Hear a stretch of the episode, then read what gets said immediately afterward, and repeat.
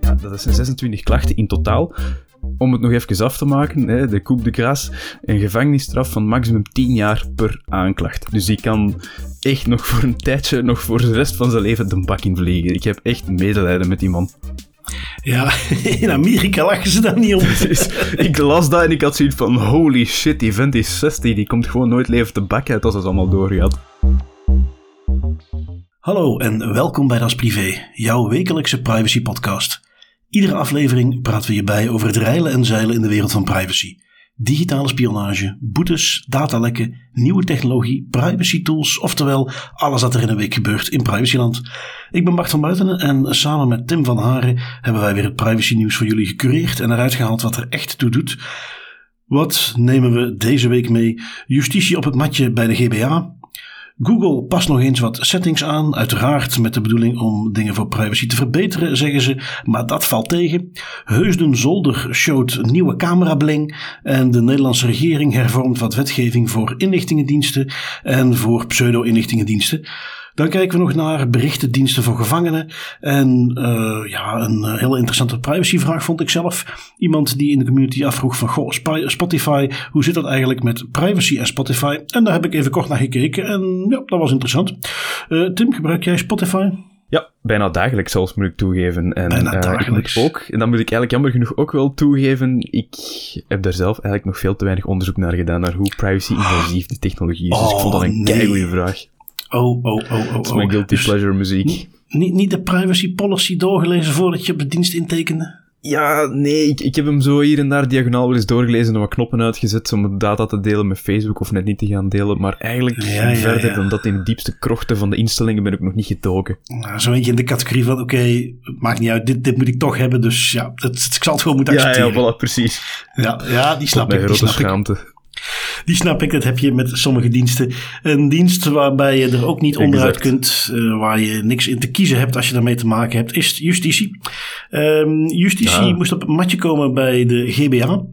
Eh, wat betekent dat? Ja, er is een, een klacht eh, binnengekomen tegen justitie. In dit geval eh, ook eens leuk om dat te zien. Een klacht die vanuit het COC werd doorgestuurd. In de vorige afleveringen bij ons al regelmatig voorbij gekomen met hun rapporten over drones en eh, andere nieuwe technologieën de politiediensten hopen in te zetten. Ehm, en nu eh, liepen ze er dus tegenaan dat zij een klacht hadden binnengekregen en aan aanleiding van onderzoek dingen hadden geconstateerd eh, bij justitie, hoe die met de dossiers omgingen, het systeem. En zoals kennelijk in het protocolakkoord tussen het COC en de gegevensbeschermingsautoriteit, de GBA, is afgesproken, eh, bepaalde dingen die buiten de pure scope van het COC vallen, ja, die gaan ze dan, als die tegenkomen, worden die niet gewoon terzijde geschoven, maar dan geven ze die netjes door aan de GBA. En zo geschieden. Dat komt dus binnen bij de GBA. Eh, dit begon met een klacht ehm, nadat de COC, zoals ze dat vaak doen, als die een vraag binnenkrijgen van een burger, dan gaan die bijvoorbeeld raadplegen wat voor gegevens worden allemaal bijgehouden van deze burger. En in een van die opzoekingen kwamen zij erachter dat de bewaartermijnen van gegevens bij de systemen van justitie niet goed in elkaar zaten, dat die eh, mogelijk niet goed werden toegepast. Niet onbelangrijk, hè, dat mogen duidelijk zijn op het moment dat er justitiële gegevens van jou worden bijgehouden en die zijn hun bewaartermijn voorbij, ja, dan mogen die mooi verdwijnen. Ehm, goed, Mhm. dat was de aanleiding dat dat bij de GBA terecht kwam. Zoals het dan hoort, de GBA die schakelt de inspectiedienst in. Die zeggen, nou gaan jullie daar maar eens even kijken, zien wat je daar vindt. En naar goede gewoonte vond men dan tegelijkertijd nog wat meer. Eh, wat waren zo'n beetje de vaststellingen? Eh, het begon nou, bij de belangrijkste klacht, het, eh, de bewaartermijnen. En daar zoom ik ook even wat specifieker op in. Die andere zijn ook wel terecht. Maar deze vond ik het interessantste. Omdat je hier het klassieke argument tegenkwam. Ja, maar ons systeem is te oud. Dat kost te veel. En, en we zijn bezig met een nieuw systeem. En dus hebben we dat niet gedaan. Dat is eigenlijk waar het op neerkwam. Er werd niet eens betwist dat de bewaartermijnen inderdaad niet nageleefd werden. Maar ja, goed, het was nu helemaal moeilijk. Het eh, systeem heet de CIDIS Suite. Dat is een eh, pakket wat oorspronkelijk uit Amerika komt. Ja, dan weet je al meteen dat er mogelijk problemen in zitten. Bewaartermijn is ongetwijfeld iets waar ze zich daar heel weinig aan eh, iets van aantrekken. Ehm 2012 weer uit Amerika. Er is natuurlijk wel aangepast. is niet gewoon één op één overgenomen. Er zijn duidelijk aanpassingen gebeurd om dat eh, toe te passen op onze wetgeving, op hoe justitie hier werkt. Ehm, maar goed, ja, 2012, je hoort het al. Dat is dus een systeem wat tien jaar oud is. Minstens, ja, dat, eh, dat gaat dat kan tellen. En nou, blijkt dus ook dat er dus problemen aan zitten. En dat het kennelijk ja, zo complex is, dat is toch wat er in ieder geval uit de stukken blijkt, dat het aanpassen van die problemen van de bewaartermijn uh, niet zomaar kon. Um, blijkt ook dat de DPO, de Data Protection Officer bij justitie, daar ook al eens op gewezen had. Dat eigenlijk wel bekend was dat daar een probleem mee was. Maar dat daar ook tegelijkertijd niks mee gebeurde. En ja, je, kunt je voorstellen, ik bedoel, um, een paar jaar geleden uh, meen ik dat ik daar alles iets van gezien heb ergens. Meen ik dat ik het alles misschien in de krant of ergens anders voorbij had zien komen. Dat men zich er eigenlijk al van bewust was dat dat niet in orde was. Um, dus ja, goed, dat is iets wat geconstateerd werd dat dat uh, niet klopte. Um, nog wel andere dingen, want de inspectiedienst, als ze zeggen ja, nu we hier toch zijn, dan kijken we meteen even een aantal andere dingen naar. Had verder nog op te merken dat het register wat ze bij horen te houden van alle verwerkingen die ze doen, niet op orde En dat de DPO, iets, iets waar de inspectie vaak op, uh, op inzoomt, omdat dat nu net een redelijke speelfiguur is in het navolgen van de GDPR-wetgeving. Um, de DPO die werd niet genoeg betrokken bij de adviezen, uh, kreeg niet genoeg informatie om uh, adviezen te geven over de verwerkingen van gegevens. was ook nog eens tot enige tijd terug de strategisch directeur. Zoals we ondertussen weten, als een DPO een dubbele pet heeft, zeker als dat directeur in de naam zit, dat is meestal geen goed idee. En uh, ja, wat we natuurlijk wel weer terug zien komen, is dat feit dat de GBA geen boetes mag opleggen aan overheden. Anders was dat hier zeker gebeurd, durf ik wel te stellen. Maar ze zullen zich moeten beperken tot het opleggen van een aantal um, ja, verplichte deadlines om dingen in orde te brengen. Uh, dat betekent dat uh, kennelijk de, de nieuwe app die CD Suite moet gaan vervangen, die de catchy naam heeft, Nieuw App die moet uh, uiterlijk um, even zien, want ik heb hier nu gewoon 2022 ingeschreven, maar daar stond een datum bij. Dus dat heb ik even niet uit mijn hoofd. Volgens mij was het mei 2022. Moet daar een beslissing in zijn genomen, namelijk dat die tool dus effectief wel aangeschaft gaat worden.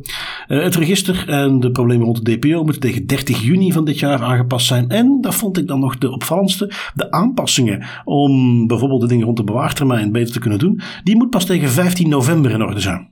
Dat zal dan wel iets te maken hebben met wat ze hebben laten zien, wat er voor nodig is om wat te doen en, en, en, tegen wanneer dat zou kunnen. En dat men dan op die 15 november uitkomt, dat dus eigenlijk nog een hele lange tijd is. Um, en tenslotte eindigt men bij de GBA met een berisping in zijn algemeenheid van ja, toch erg wel foei justitie, dit zijn de basisbeginselen, daar hoor je toch eigenlijk wel mee in orde te zijn. Um, dus ja, goed, uh, justitie op het matje. Ja, ja zeker een, een leuk verhaal om mee te beginnen. Wat ik daar wel iets minder leuk aan vind, en um, ja, ik weet niet wat ik dat moet zeggen, maar ik vind het ergens jammer dat een overheidsinstantie in België geen boetes kan krijgen. Ik ben sowieso geen, geen voorstander van boetes als enige handhavingsmiddel. Ik denk dat er nog andere handhavingsmiddelen zijn die een autoriteit kan gaan gebruiken om ervoor te zorgen dat de bedrijven en organisaties de juiste richting in worden geduwd op vlak van gegevensbescherming en het respecteren van de wetgeving. Maar in zo'n geval zelfs al zeg je van ja, eigenlijk, hè, dat, dat komt dan terug, die boete wordt geïnt en dat komt dan terug bij de overheid terecht en eigenlijk zit je met een cirkel en gebeurt er niet veel, dat geld verandert gewoon. Toch ga je daarmee die organisatie raken en ga je daarmee wel ook op de hogere niveaus een heel duidelijk signaal geven dat er hier iets fout is en dat men dit veel beter in acht moet nemen, want dit het is een berisping en er worden een aantal deadlines voorgesteld, maar uiteindelijk is de impact voor justitie al bij al relatief minimaal, relatief laag eigenlijk nog, even wat er verkeerd is gegaan. Moest dit een commercieel bedrijf zijn geweest, ik heb het zelf al gezegd, dan hing hier absoluut een boete aan. Dan was hier ook een financiële gevolg aan verbonden. En ik vind het een beetje jammer, want ik vind dat vooral niet eerlijk tegenover de publieke instanties die het dan wel goed doen. Ja, ja, ik, ik, ik, blijf daar altijd een beetje op twee gedachten hinken. Het, het idee van mm -hmm. vestzak, broekzak. Eh, we kunnen moeilijk pakjustitie. Uh, daarvan is geweten. Ik bedoel, ja, er is geen enkele overheid, uh, overheidsentiteit die zegt: wij hebben geld genoeg, er kan bij ons wel vanaf. vanaf tenzij je de AIPD bent. Maar justitie zit continu aan te geven met welke budgettaire beperkingen ze werken. En, en ja, als je dan gaat zeggen: van nou, hier is een boete van 200.000 euro. Ja, wat heb je eraan? Um, gaat het misschien uh, iets meer uh, de schrik van de GBA bij mensen teweeg brengen. Ik weet het niet. Wat je hier ziet, en dat vond ik het meest opvallendste, uh, is, is dat, ik, ik zeg het al, dit, dit, was, dit was geweten. Dit, dit was niet nieuw. Dat aspect van die bewaartermijnen is niet nieuw. Mm. En wat de GBA ook opmerkt, van ja, het is jammer dat op het moment pas dat het COC er opmerking over heeft gemaakt en dat wij met de inspectiedienst langskomen, dan pas komt er iets. Van tot die tijd was er dus gewoon gezegd van ja, er komt binnenkort echt wel een keer een nieuw toeltje. En dat kost te veel geld om het aan te laten passen, dus dat gaan we niet doen. En dat is iets waar de GBA in deze beslissing ook heel duidelijk aangeeft. Ja, dat excuus pakt sowieso niet. inderdaad, je mag afwegingen maken naar kosten. Maar niet in die zin dat je zegt: het is te duur, we doen het gewoon niet. Dan ga je gewoon moeten zoeken naar andere afwegingen om het alsnog mogelijk te maken. En dat blijkt dus nu ineens toch wel te kunnen. Um, dus dat is, nog het opvallendste. Hè? Dat als de druk er maar op staat, ja, dan kan het er toch ineens wel door. En ja, dat is gewoon een gebrek aan prioriteit. En daar mag je zeggen dat het toch jammer is dat bij een organisatie als justitie, toch niet de entiteit met de minst gevoelige gegevens, het op die manier moet lopen voordat men toch besluit laten we daar eens iets aan gaan doen. Ja, precies. Wat dat dan ook nog iets zorgwekkend is, is het feit dat je dan ook ziet in dat rapport, um, of in die beslissing eerder, dat de DPO eigenlijk niet genoeg middelen krijgt om zijn, om zijn functie goed te kunnen uitvoeren. In sommige organisaties en in sommige instanties zou je dat nog ergens kunnen accepteren en begrijpen. Maar in een instantie zoals inderdaad justitie zou je toch verwachten dat een DPO voldoende middelen krijgt om die gegevens te gaan beschermen. Hè? Want die zijn ja, niet kijk, uh, ook daar zegt men van, god, dat is nu toevallig. We waren net bezig met dat reorganiseren en, en, ja. en gingen daar een andere structuur yeah, right. neerzetten, waardoor dat ook beter komt. Uh, nu goed, uh, ik ben ook wel benieuwd in hoeverre de GBA, bedoel, daar ga ik wel vanuit, die deadlines ook opvolgt. Want ze hebben dus nu een aantal deadlines. Een nieuwe tool moet beslist zijn. Ik heb het nog even opgezocht tegen 30 april. Die DPO moet tegen 30 juni weten wat hij aan toe is. En 15 november dan de aanpassingen in het toeltje zelf. Dus uh, goed, daar gaat hopelijk wel iets mee gebeuren. Um, wat heb ik nog meegenomen? Deze kwam ik oorspronkelijk tegen um, bij Data News. Ben ik even wat rond gaan zoeken. Kwam ik nog wat andere artikeltjes tegen die hierover gaan. En het ging over Google Workspace.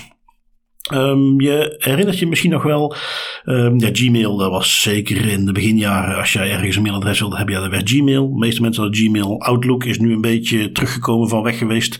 Um, misschien moet ik goed zeggen, het was eerst Hotmail, toen werd het Gmail en daarna was het heel lang oh, Gmail. Hotmail, waar is de tijd? Ja, ja, ja. Ik, ik, ja. ik heb nog meerdere hotmail-adressen gehad. De, ik herinner nog die tijd. Die, ik neem aan dat meestal wel had ik zo'n e-mailadres waar ik wanhopig probeerde iets met Bart te doen, maar Bart niet de meest originele naam. Dus op een gegeven moment was ik het helemaal beu. En volgens mij had ik dan zoiets als bartboela.hotmail.com. Gewoon om, dat wist ik zeker, dat heeft niemand. Maar dan kom je zo op dat punt. Ik denk uh, dat we eh, allemaal wel zo'n paar e-mailadressen hebben waar we ons over schamen als we zo gaan terugblikken. Ja, ik, ik schaamde me niet voor, maar je weet op een gegeven moment, je wilt iets uh, naar je middelbare school, je wilt een maandje gaan zoeken, je wilt een, een ja. professionele uitstraling hebben. En dan werkt Bart Boela uit mm -hmm. Hotmail niet meer. Dus uh, dan moest dat vervangen worden. En nou goed, ik kreeg Gmail, maar een belangrijk iets wat altijd uh, bekend was. Ja, als je de gratis Gmail gebruikt, dan word je geprofileerd en dan wordt de inhoud van je mails wordt ook gebruikt om advertenties te tailoren. Maar als je de betaalde versie neemt, dan doen ze dat niet. Uh, dat, dat, is iets wat Google kennelijk dwars had. Uh, zoveel data waar ze geen gebruik van kunnen maken. Of toch minder gebruik van kunnen maken. Dus Google heeft besloten dat ze dat gaan aanpassen. Uh, je hebt twee belangrijke settings voor de web- en app history. Zo heette dat tot nu toe. En ja, dat is de, de, de, feature die Google gebruikt waarmee eigenlijk als jij dus de fout maakt om op YouTube te gaan zitten terwijl je nog ingelo ingelogd bent in je Gmail-account of rond gaat surfen. Um, hoe Google dus al de data die er van de verschillende diensten die jij gebruikt, Google Search, Gmail, YouTube, hoe ze die gaan combineren. Nou, dat is een setting die, daar kon je dus kiezen, al, al lang, uh, of je dat wel of niet wilde. Ik mag hopen dat veel mensen dat hebben uitgezet. En nu besluit Google van ja, eigenlijk, uh, we gaan dat splitsen. Diezelfde setting bestond ook voor uh, Google Workspace. Um, zeggen ja, we gaan die aan elkaar trekken. we willen je ook de mogelijkheid geven om een soort search history op te bouwen. Van, ja, waar je een beetje kunt zoeken over het gebruik van de verschillende Google diensten. Dus dat is, zeggen ze zelf, niet bedoeld voor marketingdoeleinden. Um, dus daar valt misschien niet heel veel op aan te merken. Wie weet dat het helpt dat je daar dan in kunt zoeken of zo. Dat, ik gebruik het zelf niet, maar vooruit als het niet voor marketing gebruikt wordt, dan zal het, neem ik aan, voor een betere ervaring zorgen. Maar doordat ze dat uit elkaar trekken, zeggen ze: ja, dit zijn dus nu eigenlijk twee nieuwe features. En wij gaan dus alle settings bij iedereen die eerder had gezegd: we gaan de web en app history, wil ik niet dat jullie die gebruiken. Dat gaan ze nu weer terugzetten. Dus je gaat dat zelf manueel weer aan moeten passen. En om het nog wat meer uh, dark pattern plus te maken, um, je had de mogelijkheid om als organisatie zelf in te stellen: oké, voor al onze gebruikers moet dit uitstaan. En die specifieke functie die verdwijnt nu gewoon. Je kunt dat niet meer doen, uh, bedrijfswijd. Je gaat nu, iedere gebruiker moet dat stuk per stuk zelf gaan doen. En moet dat dus ook weer terugzetten als ze dat eerder al hadden uitgezet. Want default staat het uiteraard aan. En ja, dan zie je dus dat, en, dat is los van de, de wijziging op zich, um, zie je dat ze weer de klassieke trucendoos bovenhalen om met zoveel mogelijk dark patterns iedereen te verleiden om dat niet aan te passen. Om de functie die het voor iedereen meteen in één keer aanpassen eruit te slopen. Ik heb ook eventjes vanuit eh, de artikeltjes, dan is er een soort supportpagina van Google zelf, waarin je eventjes kunt gaan bekijken, ja, hoe zit het dan in elkaar, waar ze wat vragen beantwoorden. Nou, dat is, lijkt zo opgesteld dat het zo ondoorzichtig mogelijk is, met allerlei drop-down minuutjes en zogenaamde vragen die je stelt. Maar de echte kernvraag, wat doen jullie met die gegevens? Uh, gaat dat automatisch weer aanstaan, ja of nee? En waarom verander je dit? Dat wordt uiteraard niet beantwoord. En um, voor de rest uh, zie je dan dat we klassieke beweging krijgen. Uh, daar komt vervolgens een hoop ophef over. Eigenlijk moest dat al uh, vanaf deze maand ingaan. Maar nu gaan ze de klassieke aanpak toepassen. Ze gaan het uitstellen. In de hoop dat het dan over een maand wat minder pers met zich meekrijgt. Neem ik aan dat ze dat nog kunnen doorvoeren. maar dus ja, weer wat klassieke dark patterns voor Google. Eventjes de ophef, dan het wat uitstellen. En dan in de hoop dat ze dat volgende maand gewoon door kunnen duwen. Ja, dat is, dat is bijna classic big tech eigenlijk. Hè. Dat is een, playbook dat we bij Meta wel eens af en toe zien verschijnen, bij Google, uh, Amazon, noem maar op. Gewoon wait till it all blows over and then do it anyways. En op die manier, ja, kijk, als je, vroeger kon je misschien nog het argument aanhalen van wel, het is een gratis dienst en we moeten toch op een bepaalde manier ervoor zorgen dat wij deze gratis dienst kunnen aanbieden aan iedereen. Dus we gaan jouw data gaan gebruiken om commerciële activiteiten uit te voeren, om daar ergens iets met advertenties te gaan doen, zodat we dat kunnen verkopen. En maar zo kan jij als gebruiker toch nog genieten van een gratis dienst. Nu sterft dat ook eigenlijk een stille dood al langzaamaan. Het is niet meer it's, if it's free, you're the product. Nu is het gewoon simpelweg you're the product. Punt. Kennelijk, inderdaad. En Google heeft er dan uh, weinig moeite mee om dat uh, ja, vrij duidelijk mee te geven. Um, mm. Even zien, wat hebben we nog? Jij hebt iets meegenomen van tweakers.net. Um, het Nederlands kabinet gaat de paspoortwet aanpassen. En wat gaan ze aanpassen? Ja, ze gaan het aanpassen op een manier die, waar ik niet zo blij van word en jij denk ik ook niet. Het Nederlands kabinet wil de paspoortwet wijzigen om een uh, centrale opslag van pasfoto's, vingerafdrukken en handtekeningen te voorzien voor identiteitsbewijzen.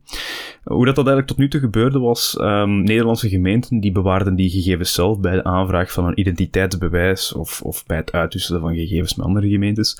Maar volgens het kabinet kan dat wel eens tot fouten gaan leiden, wat dat ook logisch is, want als je dan ziet de manier hoe dat ze het gaan doen, het kabinet doelt eigenlijk op een specifiek scenario. Als je bijvoorbeeld een vorige aanvraag voor je identiteitskaart bij een andere Nederlandse gemeente hebt gedaan dan degene waar je ze nu doet, dan moeten die twee gemeenten eigenlijk met elkaar informatie uitsturen in het kader van fraudebestrijding. Dat is al bijna het magische woord geworden voor elke privacy-invasieve technologie uh, bij die gemeentes wat er eigenlijk gebeurt in de praktijk is, er wordt dan een kopie van documenten heen en weer gestuurd om te vergelijken met de nieuwe informatie van de aanvrager. En dat wordt via e-mail gedaan, wat dat eigenlijk algemeen al geweten is. E-mail is niet echt het optimale platform om zo'n gegevens te gaan versturen heen en weer. Dat kan wel eens snel fout lopen, zit iemand in de verkeerde cc en dan loopt het al helemaal mis.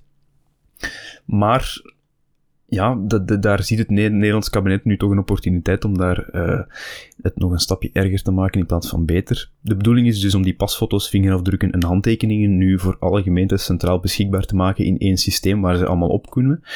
Um, en ook ja, de vingerafdrukken, dus een centrale voorziening voor biometrische gegevens, zodat de vergelijking met pasfoto's uh, en vingerafdrukken betrouwbaarder en makkelijker zou maken. Nu, dit is een poging van het Nederlands kabinet om een bestaand probleem op te lossen. Maar misschien mis ik hier iets, maar dit lijkt voor mij echt zwaar een overkill. Hè? Want wat het uiteindelijk moet oplossen is, is niet meer dan gemeenten die documenten via een onveilig en traag kanaal versturen, namelijk e-mail. En de oplossing is, we gaan al die gevoelige informatie, we gaan die samenpakken in één single point of failure, in één centrale databank, waar iedereen gewoon via een bepaalde koppeling op kan. Dan stel ik mij gewoon de vraag, is identiteitsfraude bij in Nederland zo'n gigantisch probleem, dat je ook biometrische gegevens, de vingerafdrukken centraal gaat bewaren, wat dat echt iets is waar, waar ja, heel veel discussie rond is nu? Of is dit gewoon weer al fraude, paranoia en eigenlijk ergens een probleem van maken waar het nu vandaag de dag nog geen probleem is? Ja, van wat ik ervan heb meegekregen is het iets waar ze eigenlijk al jarenlang mee bezig zijn. Uh, dus dat, dat dit nu wordt kennelijk ergens benoemd als een aanleiding. Uh, want dat stuk met die verhuizen, dat, kan ik me ook niet voorstellen dat nu echt de grote reden is.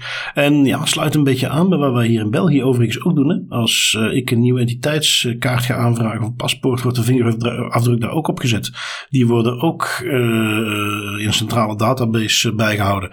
Um, belangrijk nog om mee te geven is dat ook hier in Nederland dan of, uh, dus daar in Nederland ook de insteek zou zijn dat het wel maximaal drie maanden bewaard blijft. Dus het is echt alleen maar met de bedoeling om als er uh, iets fout gaat met de aanvraag of naar de rand, uh, om wat voor reden dan ook, dat nog uit te kunnen zoeken, dat daarna die vingerafdrukken wel verwijderd worden. Dus die blijven niet in een centrale database staan. Maar als je dan nu de, ja, aanleiding erbij pakt, uh, omdat mensen misschien tussen ze de aanvraag hebben gedaan en dan ergens gaan zitten, dat ze dan verhuisd zijn, ja, ga dan maar gewoon even terug naar jouw gemeente. Ik bedoel, het moet lukken dat jij uh, net een aanvraag gaat doen voor een nieuw paspoort. Dan besluit, oké, weet je wat, deze week ga ik ook eens verhuizen. En dan vervolgens een week later, als dat paspoort er is, of wat is het, twee weken later, uh, dan ineens zegt, ja, nu wil ik het wel per se in mijn nieuwe gemeente kunnen krijgen hoor. Dat lijkt me een systeem waar je op zich mag zeggen, beste burger, geliefd nog even op te halen in de oude gemeente, want daar ligt hij klaar. Lijkt me ook niet zo heel ver Um, dus nee, ik, ik, kan alleen maar denken dat ze misschien, uh, en, en, en daar zie ik dan wel iets in naar praktische overwegingen. Dat ze niet, nou net niet decentraal bij de gemeentes die dingen willen hebben. Maar dat ze dat uh, zeggen van ja, wij zien daar meer brood in als dat gewoon op een centrale plek door een centrale entiteit beheert. Waar we niet twee uh, ICT'ers hebben van de gemeente, maar waar er een heel team is met mensen en security beheerders die zo'n database beheren. Ja, dat, dat, heb ik niet gezien aan het artikel, hè, maar daar kan ik me tenminste nog iets bij voorstellen dat dat de afweging zou zijn. Um, los van het feit, bedoel, laten we dat voor de duidelijkheid toch altijd eventjes benadrukken. Uh, die vingerafdruk moet überhaupt niet afgenomen worden en die moet überhaupt niet uh, op dingen gezet worden, want we weten ondertussen goed genoeg dat identiteitsfraude niks mee te maken heeft. Dus dat is altijd even gezegd hebbende, als we dat dan achter ons laten, snap ik in die zin de insteek van een centrale opslag wel, omdat dat misschien gewoon makkelijker en beter te beveiligen is. Ja, dat, dat zou wel kunnen, inderdaad. Dat is iets waar ik ook nog over had nagedacht. Van oké, ja, niet elke gemeente heeft evenveel middelen, budget en manschappen om die, die, die gegevensoverdracht en het bewaren van die gegevens even veilig te doen kan ik absoluut inkomen, want hoe dat het nu lijkt, is dat gewoon aan elke gemeente om dat op zijn eigen manier te bewaren binnen een bepaald gestandardiseerd formaat. Ik denk dat het RAAS heten of zo. Ik denk dat dat het acroniem was, mhm. maar dat het wel aan de gemeenten is om dat op een bepaalde manier te bewaren die veilig zou moeten zijn. Um, en dat inderdaad allemaal gaan centraliseren, daar kan ik inkomen. Maar inderdaad dan die, die argumenten aanhalen van identiteitsfraude. En ja, nee, maar dan moeten mensen terug naar hun oude gemeente om hun identiteitskaart op te gaan halen. Mm. Sorry, maar dat, dat is gewoon heel cheap en heel gemakkelijk om zo'n zaken te zeggen. Maar dat lijken mij geen echte problemen. Nee, nee, dat denk ik ook niet. Dat denk ik ook niet. En, en daar zie je weer die klassieke beweging van we gaan met een, een, veel te ingewikkeld proces, met veel te veel verzameling van gegevens, een probleem oplossen dat op heel andere manieren aangepakt moet worden. En uh, dat is natuurlijk een heel uh, goedkoop bruggetje naar het volgende onderwerp. Uh, ik heb uit het Belang van Limburg op de website een prachtig artikeltje meegenomen met een mooi videootje er ook bij waar heel enthousiast wordt aangekondigd dat een nieuwe camera in gebruik is genomen. Ehm, niet zomaar een camera, het is eh, nu eh, een, proefopstelling. Um, maar de bedoeling is om die natuurlijk, als het goed bevalt, uh, breder in te gaan zetten. En wat zie je in dat filmpje wat erbij zit? Dat de, ja, hoe moet ik het noemen? Het is een soort aanhangwagentje. Wat ze dan, je, je, hebt ze waarschijnlijk wel eens gezien. Dat zetten ze ergens aan de straatkant neer, in midden van straat, bij de stoep. Um, dan doen ze dat open. Dan ja, zit er een of ander draaimechanisme in. En dan komt er zo heel mooi, triomfantelijk langzaamaan, zo'n paal met camera's en een luidspreker die komt naar boven. Um, dan zit dus iemand in dat filmpje uit te leggen wat het voor bedoeld is. Um, ja, wat, wat, is het? Uh, uiteraard camera's die daar, uh, het is geloof ik de Koolmijnlaan voor de mensen die bekend zijn in Heusden-Zolder, die, die heel die straat en de buurt daar in de gaten gaat houden.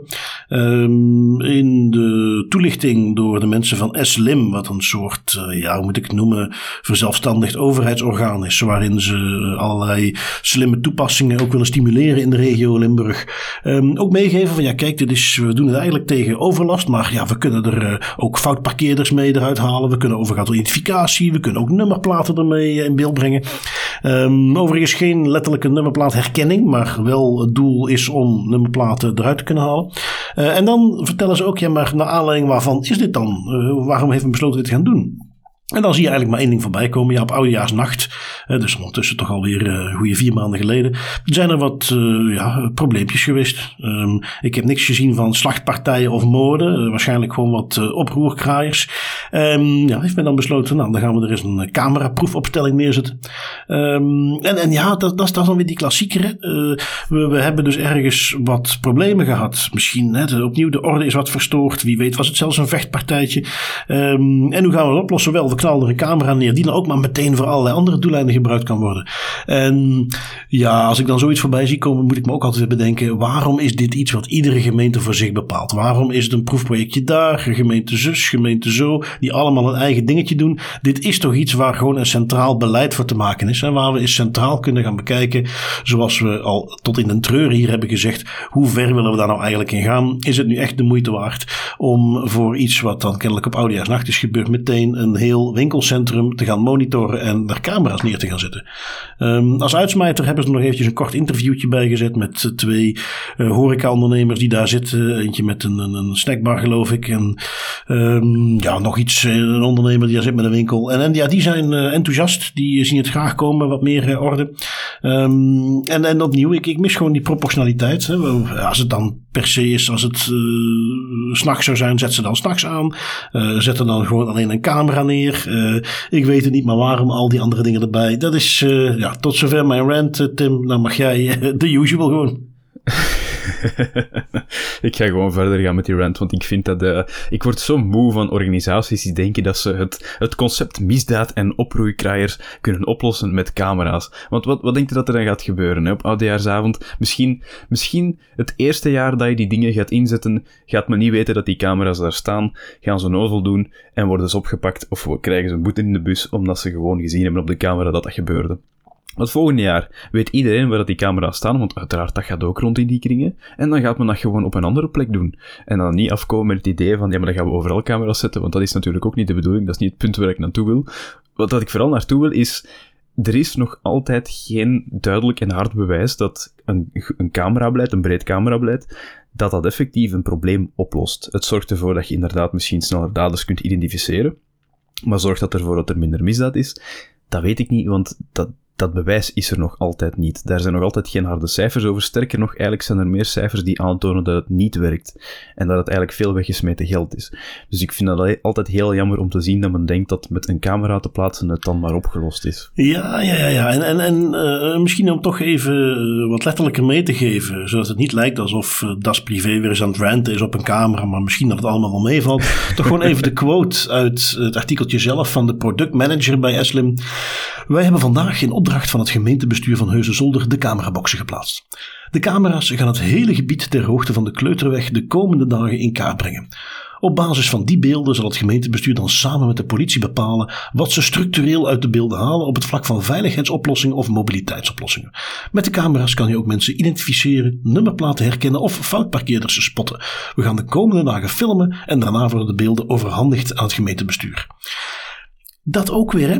Er is nog niet eens duidelijk wat ze willen gaan doen. Uh, nu, ik moet er meteen bij zeggen, ik, kan, ik, kon het niet laten. Ik kon het niet laten. Ik heb toch even een uh, aanvraagje openbaarheid van bestuur ingediend of ik dan de risicobeoordeling en de DPIA mag ontvangen.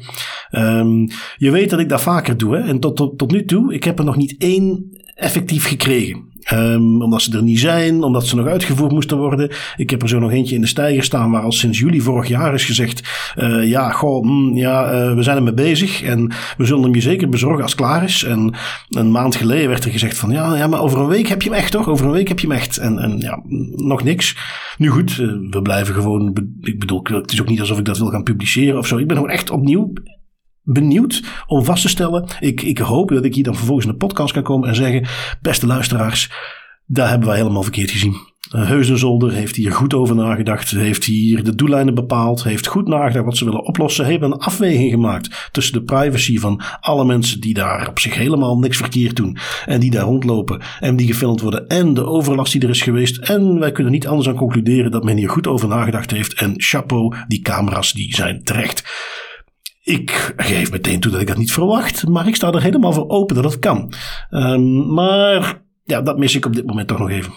Ja, ik bedoel, de, wereld zou zoveel, een zoveel mooiere plek zijn als we dat gewoon elke aflevering kunnen doen, hè, inderdaad. Maar voorlopig blijven we helaas bij uh, organisaties en partijen die zeggen van, goh ja, een paar camerawagentjes aankopen en die daar overal gaan zetten, gewoon omdat het kan. Ja, dan moet en dan eens kijken wat te Dat doen, is geen goed argument. Dus kijken Ja, wat we kunnen doen. we, we kunnen wel allemaal vangen, we zullen niet zien. Dat, dat is zo... Dat is het bijna, dat is bijna kinderlijk. Ja.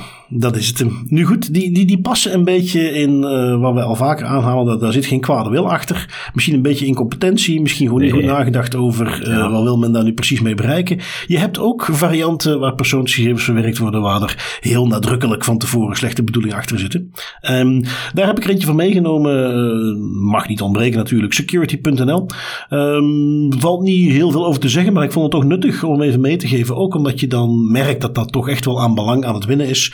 Eh, we hebben een 23-jarige uit Weesp.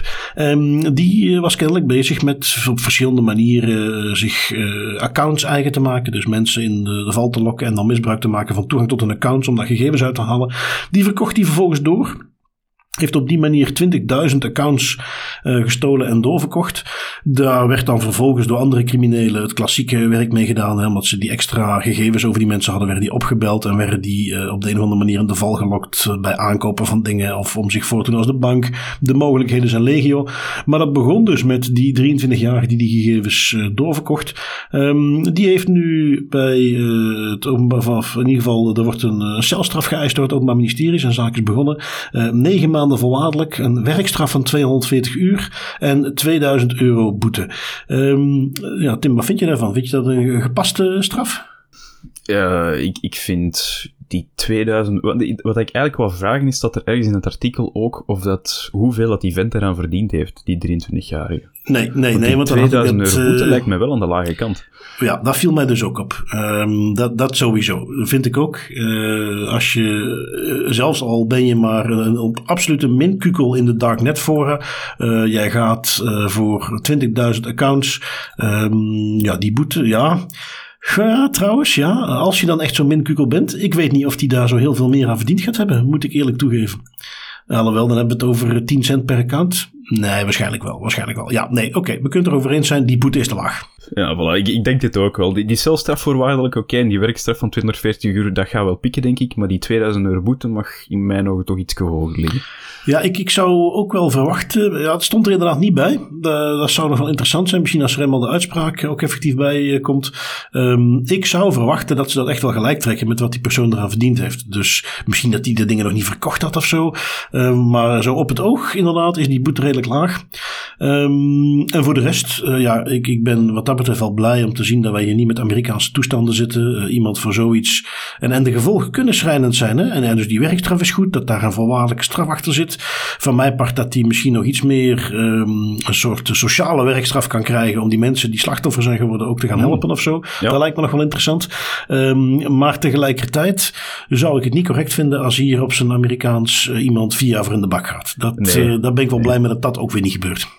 Nee, daar ben ik ook blij mee. Dat is uiteindelijk iemand van 23 jaar, ja, inderdaad, met kwaadwillige gegevens verkocht, maar dat geeft u nog altijd wel de opportuniteit om hier nieuwe lessen uit te trekken en inderdaad misschien met die werkstraf, als je dat kunt koppelen aan, aan het misdrijf, ehm, om toch daar iets uit te leren. Hè. Mm, Iemand vier jaar een bak insmijten om 20.000 accounts te verkopen, dat is ook overkill.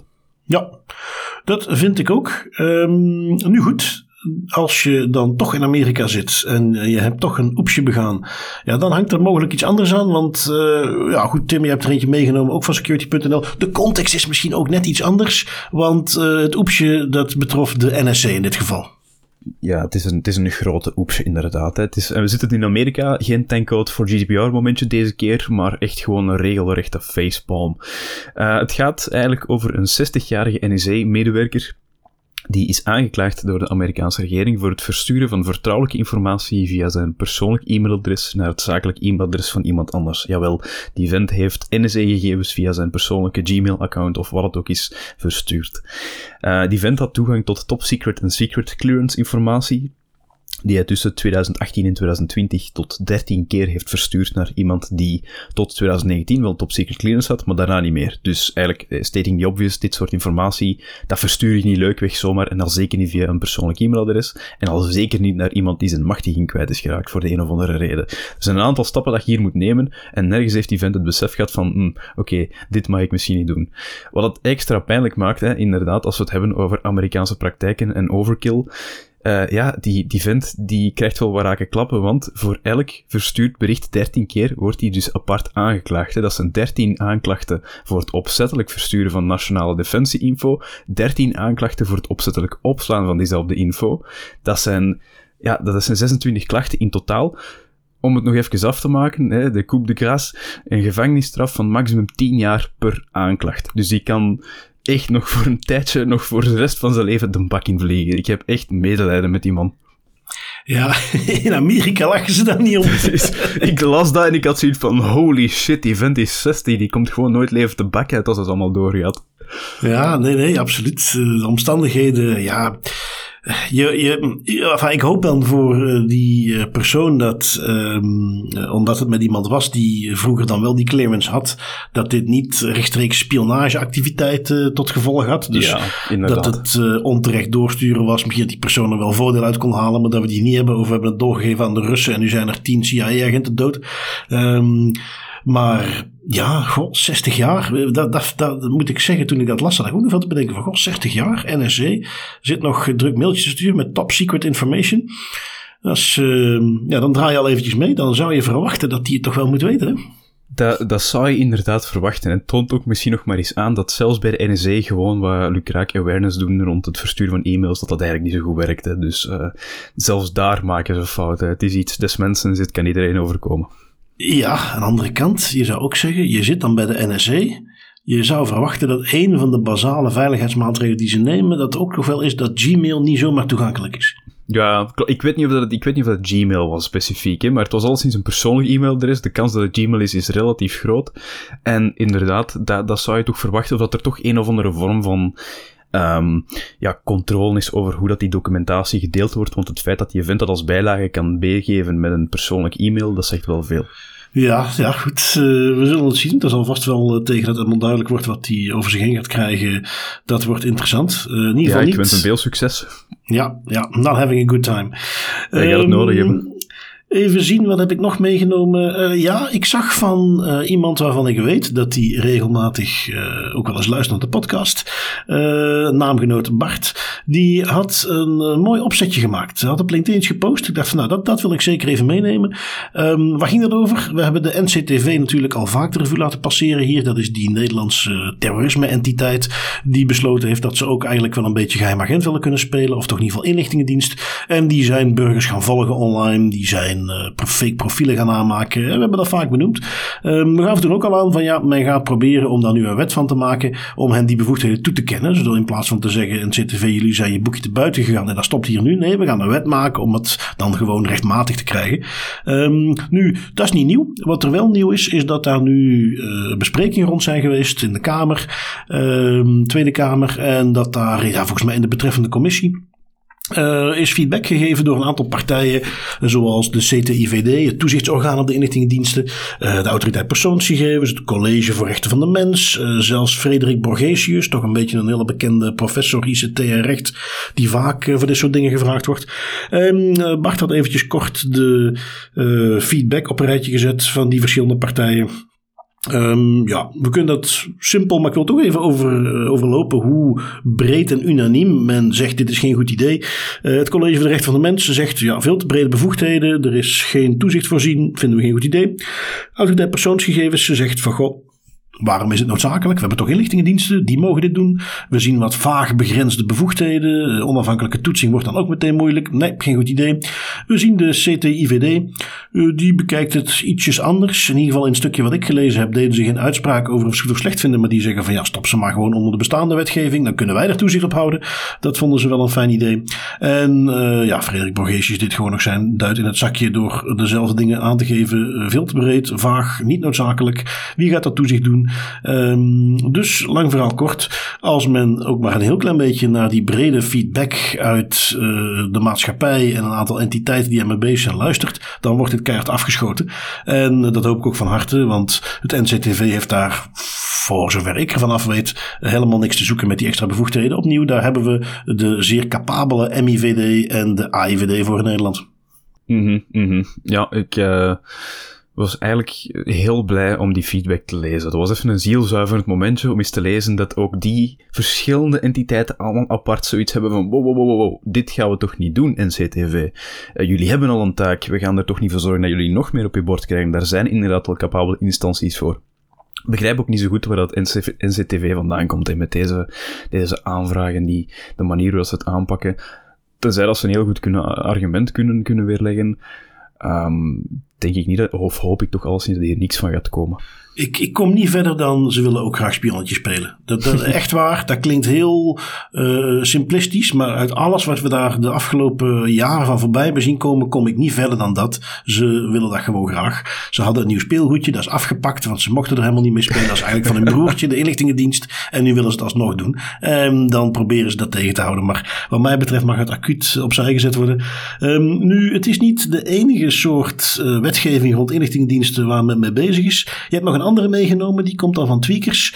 Um, maar dan uh, iets formeler. Hè? De, de, de echte inlichtingendiensten zijn ook bezig met een hervorming. Ja, inderdaad. En in aflevering 60 hadden we dat al meegenomen dat er een tijdelijk wetsvoorstel op de onderhandelingstafel lag. Um, om de IVD en de MIVD, de Nederlandse inlichtingendiensten, om die vooral snellere bevoegdheden te geven en, en, snellere machten. Um, toen was het nog een geheim wetsvoorstel nu is het ook een publiek raadpleegbaar wetsvoorstel. En wat er eigenlijk in staat is, um, de IVD en de MIVD willen heel graag sneller kunnen optreden bij cyberaanvallen. En het wetsvoorstel dat vier jaar geldig zal blijven, dus het is tijdelijk, um, moet eigenlijk het stelsel van toezicht op de activiteiten van de inlichtingendiensten verschuiven. Van binnen de toetsing vooraf naar bindend toezicht eerder tijdens en na inzet van de bevoegdheden. En bevoegdheden, daar mag je onder verstaan bijvoorbeeld het inzetten van bulkinterceptie, het vergaren van heel veel data, uh, of een hacking, activiteit. Dus als de IVD of de MIVD bulkinterceptie wilt uitvoeren of hacking vandaag de dag, moeten zij eigenlijk eerst langs een bindende toetsing voor zij die activiteit mogen uitvoeren en dat kan best lang duren.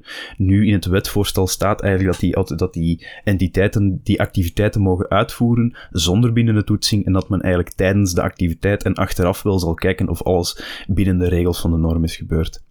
Ik heb daar een beetje een dubbel gevoel bij. Uh, we hebben het in aflevering 60 ook eens besproken. Aan de ene kant snap ik perfect dat de AIUD en de MIVD, wat dat inderdaad twee heel capabele entiteiten zijn, zoiets hebben van, dit, we kunnen niet snel genoeg schakelen, wat dat echt wel heel belangrijk is in, in een digitale omgeving. En we moeten hier gewoon een, een balans zoeken tussen privacy en het beschermen van Nederland en, en van misschien ook Europa, want dat zijn twee entiteiten die echt wel uh, op de kaart staan in inlichtingenland. Maar ja, aan de andere kant is het niet echt duidelijk wat de gevolgen zullen zijn als het dan eens niet goed loopt. Hè.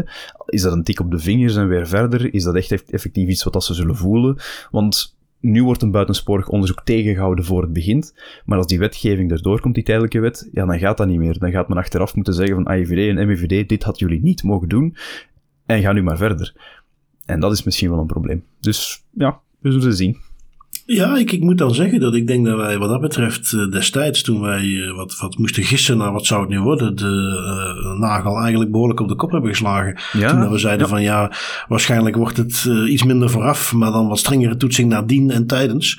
Um, ja, dat is precies wat jij zegt. Ik, ik, kan dat dus best wel snappen dat men dat op die manier wilt invullen, maar dan wil je graag horen dat die, dat, dat, dat toezicht tijdens en na, dat dat correct kan plaatsvinden, dat men daar de tijd voor krijgt en dat daar serieuze handhaving aan gekoppeld kan zijn. Um, bijvoorbeeld, en ik denk dat op die manier men dat wellicht nog het snelste gaat leren. Op het moment dat uh, die toetsing plaatsvindt en men zegt, ja, dit, dit klopt niet, het is buitenproportioneel. Dat vervolgens acuut binnen, ik noem maar wat, 24 uur al die gegevens vernietigd moeten worden. Ja, dan, dan denk ik dat ze er de volgende keer misschien wel beter naar gaan kijken. Want dan is die data weg, dan heb je er uiteindelijk nog niks aan. Maar um, ja, dus verder dan maar weer gewoon even af te wachten wat de, de toezichtstaak dan concreet inhoudt als die wat verschuift. Want dan vind ik, dat is wat we toen ook zeiden volgens mij, als je het toezicht van tevoren een beetje wegneemt in het kader van efficiëntie, snelheid, dan oké, dan zet je het wat later in de keten. Maar dan moet dat toezicht voor mij ook strenger zijn, sterker zijn. dan moet dat een, een, hoger niveau zijn dan als je het vooraf mag gaan doen. Dus ja, uh, we zullen zien, we zullen zien in ieder geval interessant om even te blijven volgen. En wat dat betreft hebben we zo ineens de laatste tijd heel veel inlichtingendiensten. Ja, ze zijn toch wel goed dreef. Ik denk dat dat niet toevallig is, omdat we ook met een oorlog zitten hier in Europa. Uh, en ik denk dat die mannen wel zoiets hebben van, aha, daar zien we nog wel wat dingen ja, die we ook kunnen gaan gebruiken. En, en ik bedoel, oké, okay, inderdaad de klassieke never waste a good crisis, maar ze hebben ook wel een punt, hè? Ja. Ja, en ik Ehm, moet ook zeggen, ik moet even ehm, die tijdelijke wet. Ik moet zeggen, ik, ik probeer het altijd positief te zien en dat wil ik wel nog meegeven. Ik zie hier echt wel potentieel om hier iets proportioneel van te maken. Dus inderdaad, als die toezicht tijdens en na eh, op, op een strengere manier gebeurt, dan denk ik dat dat echt wel iets goed kan zijn. En dan kan de AIVD en de MIVD ook verder en dan kunnen zij veel sneller optreden tegen en bij cyberaanvallen. Eh, dus ik zie hier veel potentieel vooral. Dus daar kijk ik naar uit om daar goede dingen uit te zien komen. Oké. Ehm, even zien, wat heb ik nog meegenomen? Was ook van tweakers.net. Ehm, er is kennelijk in de Nederlandse gevangenissen een commerciële dienst. Die heet e-mates. See what they did there? Inmates, e-mates. Ehm, en wat Oh doet die God. dienst? Zoals de naam al een beetje doet vermoeden. Dat is om e-mails te sturen naar ehm, gevangenen. Ehm, het idee is, het systeem eh, maakt dat mogelijk. Je stuurt daar iets heen. Dat wordt dan vervolgens in de gevangenis uitgeprint, wordt gescreend en wordt dan aan de, eh, ja, de gevangenen gegeven. Daar gelden dan dezelfde afspraken mee als bij normale brieven die ze uitsturen.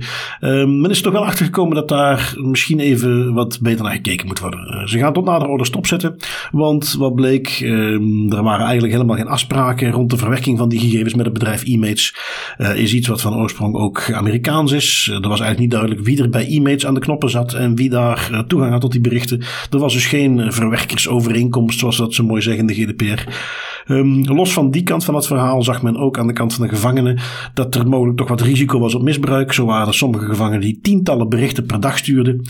Ehm, ja, je hoeft geen al te boeiende steganograaf te zijn om daar dan boodschapjes in te kunnen verstoppen. Dus heeft men toch besloten bij de dienst justitiële instellingen om daar een onafhankelijke partij onderzoek naar te laten doen en dat tot nader order even stop te zetten. Ja, op zich best een interessant idee. Ik vond het alleen een klein beetje bizar om te horen dat het een commerciële dienst was, tot als je dan natuurlijk Amerika zegt, then it all makes sense again. Ehm, ja, ik vind het goed dat ze hier natuurlijk een onderzoekje gaan doen, hè, zowel voor de privacy van de gevangenen, want ook die mensen hebben nog altijd een recht op privacy, geloof het of niet. Als ook, ja, wat die gevangenen kunnen doen, hè. ik denk dat dat langs beide kanten wel voor wat risico's kan zorgen. Ja, dat eh, denk ik ook. Ehm, even zien, dan zijn we toe aan de datalekken. En jij hebt er eentje meegenomen van Bloomberg, ehm, waar Apple en Meta er een beetje ingelopen zijn. En op welke manier is dat? Ja, ze zijn er wel stevig in geluisterd. Apple, Meta en ook Discord, eh, die, de, de gaming chat eh, community, die hebben adressen, telefoonnummers en IP-adressen van klanten overhandigd aan criminelen die zich voordeden als opsporingsambtenaren. Wat er eigenlijk normaal gebeurt als een, eh, een opsporingsentiteit gegevens probeert te vragen bij een techbedrijf, is dan moet dat gebeuren met een ondertekend gerechtelijk bevel. Maar er zijn een aantal uitzonderingen. In het geval van een zogenaamde Emergency Data Request, of EDR, hoef je geen gerechtelijk bevel te hebben. Men rekent dan eigenlijk op de vrijwillige medewerking van techbedrijven vanwege het uh, acuut dreigend gevaar dat gepaard gaat bij zo'n EDR. Denk bijvoorbeeld aan een kind is ontvoerd en we hebben zo snel mogelijk zoveel mogelijk informatie over dat kind en de omgeving nodig, want elke seconde telt. Dan kan men met zo'n EDR naar een techbedrijf stappen en vragen van, kijk, de, tijd dringt, we hebben niet de tijd voor een gerechtelijk bevel te vragen, of toch niet meteen, kunnen jullie wel iets van informatie meegeven? Nu, daar is het ergens fout gegaan. Meta en Apple zeggen uh, controlemechanismen te hebben ingebouwd om misbruik te voorkomen, maar dat blijkt niet helemaal waterdicht, want wat is er gebeurd? Er zijn dus effectief cybercriminelen die Um, die EDR's, die Emergency Data Requests, hebben nagemaakt en naar verschillende techbedrijven hebben gestuurd via gehackte e-mailadressen van opsporingsdiensten. Dus dit is best wel geavanceerd. Uh, wat wel nog interessant is om hier mee te geven, is Apple, Meta en Discord. Die zijn erin getrapt, die gingen erop in en hebben eigenlijk dus nu klantinformatie overhandigd aan criminelen. Snapchat was ook gecontacteerd en opvallend genoeg om een of andere reden zijn zij niet ingegaan op die valse noodverzoeken. Dus wat ik hier nog een beetje mis en wat ik misschien hoop in de toekomst nog uit te vissen, is wat doen ze bij Snapchat anders dat ervoor zorgt dat zij zo'n valse request wel hebben gezien en dat dat wel door de mand is gevallen. En hoe komt het dat dat bij Apple, Meta en Discord niet is gebeurd? Want ja, eigenlijk zo'n EDR, um, dat, dat, dat bleek wel eens gemakkelijk te vervalsen zijn. En dan zijn ze er ook gewoon ingetrapt. Ja, uh, het is normaal iets. Uh, ik heb daarbij waar werken wat ik in de telecom heb gedaan uh, ook wel eens tegenaan gelopen. Waar toch eigenlijk goede afspraken rond zijn. Uh, dat gaat met vaste contactpersonen die zoiets kunnen doen.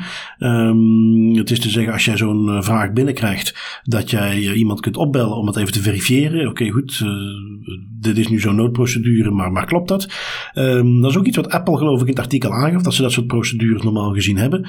Maar dat die dus kennelijk hier niet gevolgd zijn. Um, en, en ja, dan wat mij ook nog opviel, waar ik niet meteen kon plaatsen hoe dat men erachter kwam, was dat men uh, aangaf van ja, dit zijn waarschijnlijk uh, uh, een aantal van dit soort verzoeken zijn ook gestuurd door, je hebt, we hebben het alles over Lapsus gehad, die hackgroep waar nu een aantal minderjarigen zijn opgepakt in de UK, dat die dat ook verstuurde. En dan vraag ik me af, hoe weet iemand van, weet ik veel, 17 jaar, hoe dat in elkaar zit? Hoe weet hij hoe zo'n formulier eruit ziet? Um, heeft hij misschien bij eerdere hackaanvallen toegang gekregen tot zo'n systeem, dat hij daarom weet hoe het eruit ziet? Want dat is wat ik toevallig in een carrière van uh, eh, 15 jaar bij heel veel verschillende bedrijven rondlopen ooit ook wel eens gezien heb. En ook ik zou niet zomaar even op kunnen lepelen hoe zo'n uh, formulier eruit ziet en uh, waar ik dat moet in, heen sturen. Dus ja, ergens netjes, gesofisticeerd, goed gedaan. En tegelijkertijd vraag ik me af, ja, hoe komt het die procedure bij Apple? Hebben ze dat, dat verifiëren? Um, het deed me denken aan iets wat ik hoorde op een andere podcast. Waar ze dit eh, dingetje ook bespraken. En waar een van die mensen aangaf van ja, kijk, ik heb dit soort werk ook gedaan. En toen was ik uh, 20 jaar. Zat ik daar midden in de nacht, komt er zoiets binnen. En dan moet ik de afweging maken of ik daar wel of niet op inga. Moet ik de afweging maken of ik eerst ga verifiëren met Apple. Um, dan geef ik toe, dan heb ik ook wel eens gewoon gezegd van oké, weet je wat, ik geef die gegevens gewoon. Dus misschien hebben we het in die hoek een beetje moeten zoeken. Een samenloop van omstandigheden. Het kwam net bij de juiste persoon terecht, of de verkeerde persoon. Het is mooi het wilt zien. Um, dus ja, voor de rest uh, kunnen we alleen maar uh, hopen dat ze die procedures dan toch wel aanscherpen. En dat ze dus die 20-jarige die daar midden in de nacht zit, toch wat duidelijkere instructies hebben meegegeven. Dit is hoe je ermee om moet gaan om misbruik te voorkomen. Um, tegelijkertijd kun je ook denken dat ze gewoon de afweging hebben gemaakt, ook bij hoe ze dit soort dingen opgezet hebben. Van kijk, we hebben hier twee situaties denkbaar. Eén is, wij sturen te laat informatie, krijgen een claim ons broek van een paar miljoen. En hebben mogelijk ervoor gezorgd dat iemand echt gevaar heeft gelopen. Um, uh, en ja, dan hebben we dat ter onrecht tegengehouden omdat onze procedures te streng zijn. En de andere kant van het verhaal is, wij hebben informatie vrijgegeven die we niet hadden moeten vrijgeven. Die mogelijk niet de meest gevoelige informatie is. Blijft een probleem. Maar dat men daar gewoon de afweging maakt tussen het, het minst erge van twee kwaden. En dat dat er ergens ook een bewuste keuze is om dat proces niet al te zwaar te maken. Ja, en ik, ik zei nu inderdaad wel net van, oh ja, dat is relatief gemakkelijk om zo'n EDR te waken, maar ik herinner me ook dat in het artikel stond dat die, die mensen van Lapsus, van die cybercrime gang, uh, dat die op een bepaald moment effectief toegang hadden tot de omgeving van een aantal van die opsporingsdiensten. Ah, en dat die eigenlijk op die manier dus ook te weten zijn gekomen welke formulieren dat zijn. op die manier ja. hebben ze ook de handtekeningen kunnen vervalsen die normaal gezien door die contactpersonen erin zitten. En hebben ze die mails zelfs verstuurd vanuit gehackte e-mailadressen. Dus dit is wel um, Oké. een stukje geavanceerder dan gewoon zo'n EDR maken en zeggen van hallo Facebook, mag ik alsjeblieft van Bart van Buiten zijn adres weten? Dankjewel, want hij is vermist. Het is iets ingewikkelder dan dat, gelukkig. Waarbij Facebook dan overigens onmiddellijk zegt: Bart van Buiten kennen wij niet. goed, goed. Dat was een strikvraag. Ja, ja, nee, ja, misschien ook niet. Want dan zegt Facebook: Oh ja, prima, die heeft zijn account jaar geleden verwijderd. Maar uiteraard hebben wij al die gegevens nog. Ehm, dus ja, nee. ehm, Waarschijnlijk. Eh, toch in ieder geval interessant om eens een keer een klein inkijkje te krijgen in ook hoe, hoe zo'n proces loopt. Uh, wel voornamelijk uh, wellicht een Amerikaanse context. Um, iets dichter bij huis, datalekje bij onze Franse buren. Um, iets van, de, laten we zeggen, hun vorm van mutualiteit, assurance maladie. Die hebben ook te maken met een klein datalekje. Uh, bij 19 gecompromitteerde, zoals het zo mooi heet, uh, accounts van medewerkers of nou ja, van zorgverleners, um, hebben hackers toegang kunnen krijgen. Hoe, hoe werkt dat? Je hebt als zorgverlener moet je toegang kunnen krijgen om bepaalde gegevens op te vragen. Is iemand verzekerd? Welke voorschriften zijn er geweest? Um, met die account kon je toegang krijgen. Um, staat niet letterlijk in de meldingen die ze gedaan hebben over het incident, maar het doet vermoeden dat uh, die uh, waarschijnlijk geen two-factor authentication hadden, dat men op die manier toegang kreeg tot die accounts. En wat hebben die uh, aanvallers vervolgens gedaan? Hebben zich toegang verschaft tot het systeem. En hebben de gewone toegangsrechten van die mensen misbruikt door een bot op te zetten en door zoveel mogelijk in die 19 accounts opvragingen te doen. Dus het relatief manuele proces wat die mensen doorliepen, hebben ze geautomatiseerd. En zo hebben ze van 500.000 Fransen uh, gegevens buitgemaakt, zoals uh, geboortedatum, stukjes van het, uh, hun rijksregisternummer, medische gegevens. Um, lang niet slecht. Uh, als je het even bekijkt van hoe ze het hebben moeten opzetten. Ergens is dat ook wel iets wat, wat te voorkomen is. Hè. Uh, opnieuw, ik, ik denk dat ik geen al te grote gok doe als ik zeg dat die toegang waarschijnlijk niet two-factor authentication beveiligd was. Dat moet je gaan afdwingen. En als je op een gegeven moment ziet dat verspreid over 19 zorgverleners, die ineens, waar ze normaal gezien misschien 10 eh, mensen per maand of per week opzoeken, dat er ineens duizenden verzoeken zijn vanuit die accounts, ja, dan zou er ergens ook iets af moeten gaan van, hé, hey, wacht eens even, dat is niet normaal. We blokkeren die accounts even en we contacteren die mensen zelf. Dat zijn het soort uh, veiligheidsmaatregelen die ik hier eigenlijk wel verwacht had. Ja, precies. En het, het geeft ook nog eens weer um, dat je echt niet zo heel veel gecompromitteerde accounts nodig hebt om aan heel veel data te kunnen. Hè. 19 accounts denk ik dat het waren en uiteindelijk in totaal rond een half miljoen gegevens die gelekt zijn. Ja, dat is, dat is een serieuze sneeuwbal die aan het rollen is eens dat uw accounts gelekt zijn. Dus dat is ook iets om zeker in acht te houden als het gaat over account management moeten maar een paar hebben die eigenlijk gecompromitteerd zijn en die kunnen potentieel aan heel veel data binnen uw organisatie. Ja, ja inderdaad. Um, even zien, we hebben er nog eentje meegenomen van uh, een aantal woningbouwcorporaties. Uh, wat is er hier gebeurd, Tim? Ja, er zijn een aantal Nederlandse woningcorporaties en die liggen onder vuur. Op een maand tijd zijn, heb ik een, een vijftal corporaties zien passeren die getroffen zijn door een cyberaanval. Um, en die vijf bedrijven zijn niet toevallig allemaal klant bij de Nederlandse cloud service provider, de Sourcing Company, die eigenlijk als eerste het een, een, een melding hebben gedaan van een data breach en vervolgens die vijf bedrijven gingen er dan ook aan. Hoogstwaarschijnlijk zijn bij die aanval uh, adresgegevens en financiële gegevens van klanten gelekt en zijn er ook al een heel aantal meldingen gekomen bij de APE. De AP, dus die hebben ook weer wat werk. Wat ik wel, en dat is ook de reden dat ik hem meeneem, ik nodig iedereen uit om eens te gaan kijken naar de uh, meldingen van de corporaties Alwel, Triviri, Zayas, Laurentius en Qua Wonen. Want wat daar eigenlijk bij die meldingen van die datalekken allemaal naar boven komt, is dat ze uh, veel sussen en verwijzen naar de fraude helpdesk, maar dat ze eigenlijk een belangrijk stukje informatie missen in mijn ogen. Dat is namelijk dat je of wat ik, dat zou ik toch denken, als slachtoffer van een datalek vooral wilt weten waar je rekening mee moet houden. Hè. Is het, gaat het hier over enkel naam, woonplaatsgegevens die gelekt zijn, of gaat het ook over financiële gegevens en burgerservice nummers? Er staat nergens in een van die meldingen over welke persoonsgegevens het nu effectief gaat, of potentieel gaat. En dat vind ik iets, dat is een heel groot gemis. Uh, kan ik misschien nog een DAS privé DAS beter aan koppelen? Als je effectief een datalekmelding doet, probeer dan op zijn minst transparant te zijn over wat dat je denkt dat gelekt is. Ja, inderdaad. Dan kan men in ieder geval zich een beetje voorbereiden. Um, wellicht mhm. krijgt dat nog een staartje bij een autoriteit. En dat is natuurlijk weer een mooi bruggetje naar onze autoriteiten. You will respect my authority. Um, ik heb de eerste meegenomen. Die komt uit Zweden. Um, redelijk recht toe, recht aan. Ehm, de Zweedse autoriteit heeft een boete opgelegd aan een bank, Klarna, uh, voor redelijk uh, standaard dingetjes. Uh, niet voldoen aan de informatieverplichting, niks vertellen over, of nou niet voldoende vertellen over het doeleinden, transfer buiten de Europese Unie, het feit dat de gegevens worden doorgestuurd naar kredietregisters op zich redelijk standaard, maar kennelijk voor de Zweedse autoriteit, Klarna is ook niet de kleinste natuurlijk, um, toch heftig genoeg dat ze zeiden van daar vinden we een boete van 700.000 euro op zijn plaats. In Zweedse kronen uiteraard, maal 10, uh, 7,5 miljoen was geloof ik. Um, maar dus ja, 700.000 mhm. euro, toch een stevige boete, die kan tellen voor opnieuw eigenlijk gewoon een foute privacy policy hebben. Dus uh, iets om over na te denken. Ja, die kan tellen. En gek, gek genoeg is de boete die ik heb meegenomen ook exact 700.000 euro. Het is de Hongaarse autoriteit die eigenlijk een melding maakt dat ze een boete van 250 miljoen Hongaarse forint hebben uitgegeven aan een financiële instelling. Als je dat omrekent, is dat dus ongeveer 700.000 euro. Um, en wat was er gebeurd? Dat was eigenlijk, dat, ja, dit is gewoon de, de aflevering met alle foute keuzes. Dat is een instelling in die maakte illegaal gebruik van AI-gebaseerde technologie voor spraaksentimentanalyse bij klantservice calls. Uh, spraaksentimentanalyse om eigenlijk te gaan achterhalen wat dat iemand zijn of haar emoties zijn tijdens een gesprek. Analyse werd toegepast op zowel de klant als de medewerkers tijdens calls. En wat daar dus echt bizar aan is, is de financiële instelling had dus effectief netjes een DPA gemaakt met alles erop en eraan, waar hoge privacyrisico's met betrekking tot scoring, profiling en aanzienlijke rechtsgevolgen voor betrokkenen werden vastgesteld.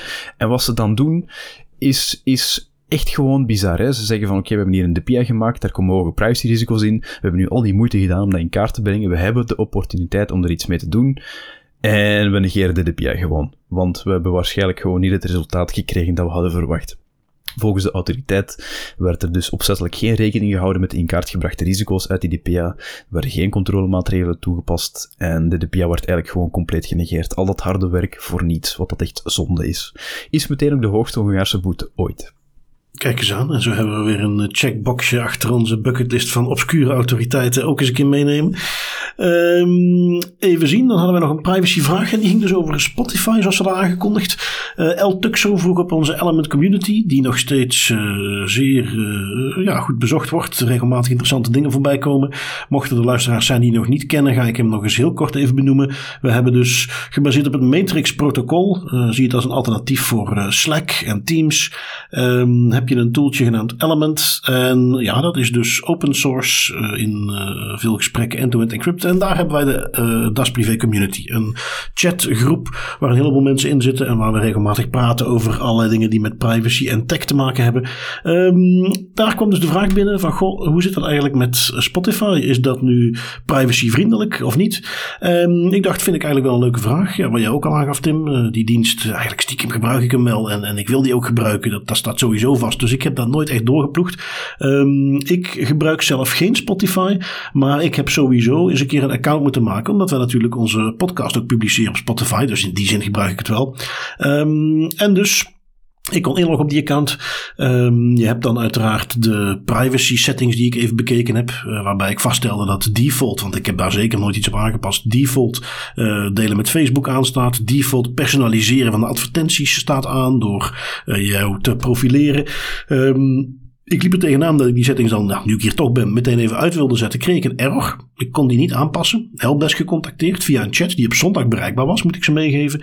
Uiteindelijk was de kwestie van eventjes refreshen en toen lukte het wel. Maar dus die setting stonden default aan. Um, dan uh, pak je de andere klassieker. Dan gaan we eventjes de privacy policy erbij pakken. Even zien wat voor gegevens ze dat ze allemaal verzamelen. Er staat misschien niks verrassends bij. Uh, als je er even over nadenkt, is dat logisch. Maar dingen zoals waar je op zoekt, uh, wat je hebt afgespeeld, welke playlist je maakt, wat er in je bibliotheek zit, uh, welke browsing je hebt gedaan binnen de Spotify-app, interacties met andere Spotify-users. zijn allemaal dingen die ze meenemen en die ze bijvoorbeeld ook gebruiken om die profielen op te stellen. Um, waarbij ze ook aangeven van kijk, op basis van al die voorgaande dingen gaan wij dingen van jou afleiden. En dat zijn ook gegevens die wij verwerken. Dan kom je in, in groepjes terecht die wij opstellen. ze ook wat meer technische gegevens aan. Ook hier weer uh, ergens te verwachten. Niet erger dan elders, maar toch nuttig om dat eens op een rijtje te zien staan. Ze halen binnen welk device je hebt, uh, wie je provider is, uh, wat de performance is van je netwerk, in welke taal dat ingesteld is, welk operating systeem erop staat. De klassieke dingen die ze dan vervolgens nog eventueel koppelen met devices die aan jouw wifi-netwerk hangen. Dat kunnen ze natuurlijk uit je mobiele telefoon halen. ze zeggen ja, dat is dan om eventueel met speakers verbinding te kunnen maken, maar op dat moment halen ze wel even alles binnen natuurlijk. Um, en tenslotte uh, vond ik hem nog interessant. Ze zetten er wel specifiek bij als je toestemming hebt gegeven. Alles wat je via voice doet. Dat uh, houden ze ook bij en wordt ook gebruikt om het algoritme te verbeteren. En daar worden ook clipjes van bijgehouden. Um, dus hopelijk is die voice activatie dan ook wel goed afgesteld. Wat in het verleden niet bij iedere dienst altijd zo was. Um, dat alles gebruiken ze dan vervolgens om ook natuurlijk nog door te geven eventueel. Uh, zelfs bij Das Privé. Als ik in onze backend ga kijken dan krijg ik ook statistieken over de gebruikers. welke leeftijd, welk geslacht, welke muziek ze geluisterd hebben. Uh, Ed Sheeran, Eminem uh, blijven altijd populair bij onze luisteraars. Um, Ed Sheeran kan ik niks over zeggen, maar Eminem kan ik alleen maar toejuichen. Dan, ja, wat, wat is voor mij de bottom line? Om dan de vraag van El Tuxo ook te beantwoorden. Um, bottom line, het is niet slechter dan ergens anders. Maar de klassieker, en misschien dat ik hem eigenlijk als privacy pointer mee had kunnen nemen, maar daar heb ik al iets anders. Iedere dienst die je gebruikt, ga even die privacy settings in, loop ze even allemaal na en zet al die dingen gewoon uit, tenzij dat echt graag wilt. Um, dus ja, niet slechter als ergens anders. Maar ook hier weer een aantal settings die je toch zeker even uit wilt zetten voordat je er verder gebruik van maakt.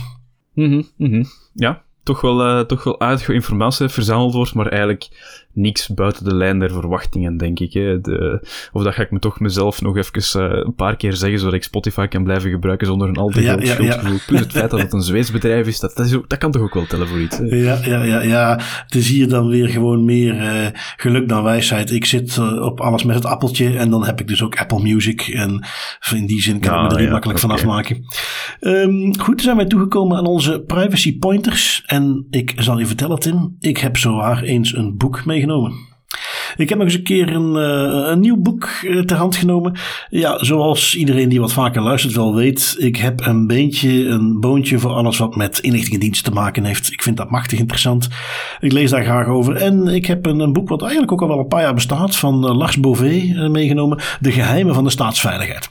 Want wat mij opviel, ik was daar bewust naar op zoek, is dat je over heel veel inlichtingendiensten informatie kunt vinden. dat is daarom niet perfect met alles wat ze doen, 100% transparant. Maar je vindt echt wel informatie. Ook podcasts, zeker ook bijvoorbeeld de Nederlandse inlichtingendiensten. De podcast Cyberhelden, die we al een paar keer aangehaald hebben. Die geeft daar uh, aardig wel inzicht in. Um, maar van staatsveiligheid vind je niks. Um, ja, betekent dat dat het gewoon een hele kleine dienst is? Betekent dat die niks bijzonders doen? Of betekent dat die gewoon fantastisch onder de radar blijven? Daar was ik wel benieuwd naar. Um, ik heb het boek nog niet helemaal uit. Uh, maar ik ben nu denk ik zo ongeveer halverwege. En het is heel boeiend. Het, is, het geeft zeker dat inzicht waar ik naar op zoek was. Dus uh, ja, dat is voor mij mijn privacy pointer van deze week. Lars Bové, de geheimen van staatsveiligheid. Oké, okay, heel goed. Uh, ja, ik ga mezelf weer schuldig moeten maken aan mijn grootste zonde. Dat is boeken kopen die ik, terwijl ik eigenlijk een boekenkast heb staan met een volledige backlog. Maar dit is eentje die ik absoluut wel ook in mijn collectie wil. Ja, ja kan ik van harte aanraden. Um, even zien, jij hebt uh, een van jouw favoriete tooltjes. Uh, die heeft kennelijk een extra feature en die wilde jij even in het voetlicht zetten, hè? Yes, een van mijn favoriete tooltjes, Proton Mail. En ze hebben nu dus ook een lang verwachte feature, Proton Kalender. Um, dat is eigenlijk niet meer dan wat het eigenlijk zou moeten zijn. Een end-to-end encrypt kalender, zoals al de rest van ProtonMail doet wat het moet doen en is een pak privacyvriendelijker dan Google Calendar en Outlook. Ze zijn wel nog volop bezig aan de ontwikkeling van die tool, dus de, de webversie is voor zover ik weet fully released. De Android-app is in early access en de iOS-app die is coming soon, dus daar kijk ik heel hard naar uit. Maar al sinds op de webversie kan ik al zeker en vast mijn ding doen. Uh, vind ik een heel handig tooltje, heel nuttig. En ik wil misschien ook meteen mensen eens warm maken voor de hele Proton Mail suite, want die zijn uh, heel hard aan het inzetten op het, het uitbouwen van een end-to-end encrypted Office-omgeving. Je hebt de Proton Mail, je hebt Proton Calendar, je hebt Proton Drive, die nu ook in beta is. Um, dus dat zijn allemaal heel interessante zaken waar je zeker voor moet uitkijken. Ja, oké. Heel goed om te horen. En ja, Tim, dan zijn we weer aangekomen bij het einde van een, een nieuwe wekelijkse Das Privé. Ik yes. uh, wil jou weer bedanken voor je tijd. Ik wil onze luisteraars ook bedanken voor hun tijd. Weet, zoals altijd, feedback is welkom. Laat het zeker weten. En anders dan horen wij jullie volgende week weer. Tot dan. Ja, zoals altijd met heel veel plezier. En tot volgende week.